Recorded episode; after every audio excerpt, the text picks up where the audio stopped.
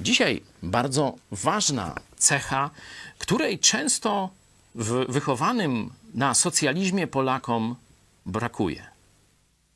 Troska o dobro wspólne. Na czym polega? Ludzie nie szanują tego, co mamy. To może być czas, to mogą być rzeczy, to mogą być pieniądze, y, to mogą być zdolności innych, które są, które są marnowane.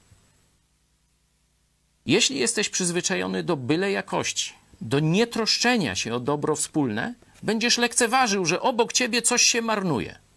Jeśli z kolei masz właściwą troskę o zasoby, które Bóg nam dał, to nawet jeśli to nie jest Twoja odpowiedzialność, jeśli to nie jest z Twojego podwórka, to spróbujesz zatroszczyć się o to, co gdzieś obok marnuje Twój kolega, przyjaciel, współpracownik, uczeń w szkole.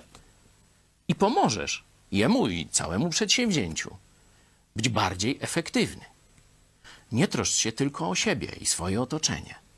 Troszcz się także o dobro wspólne.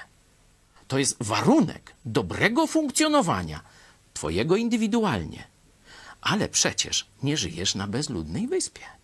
Jeśli będziesz troszczył się o innych, to i ty niesiesz korzyść przez to, że zespół, w którym jesteś, będzie lepiej funkcjonował.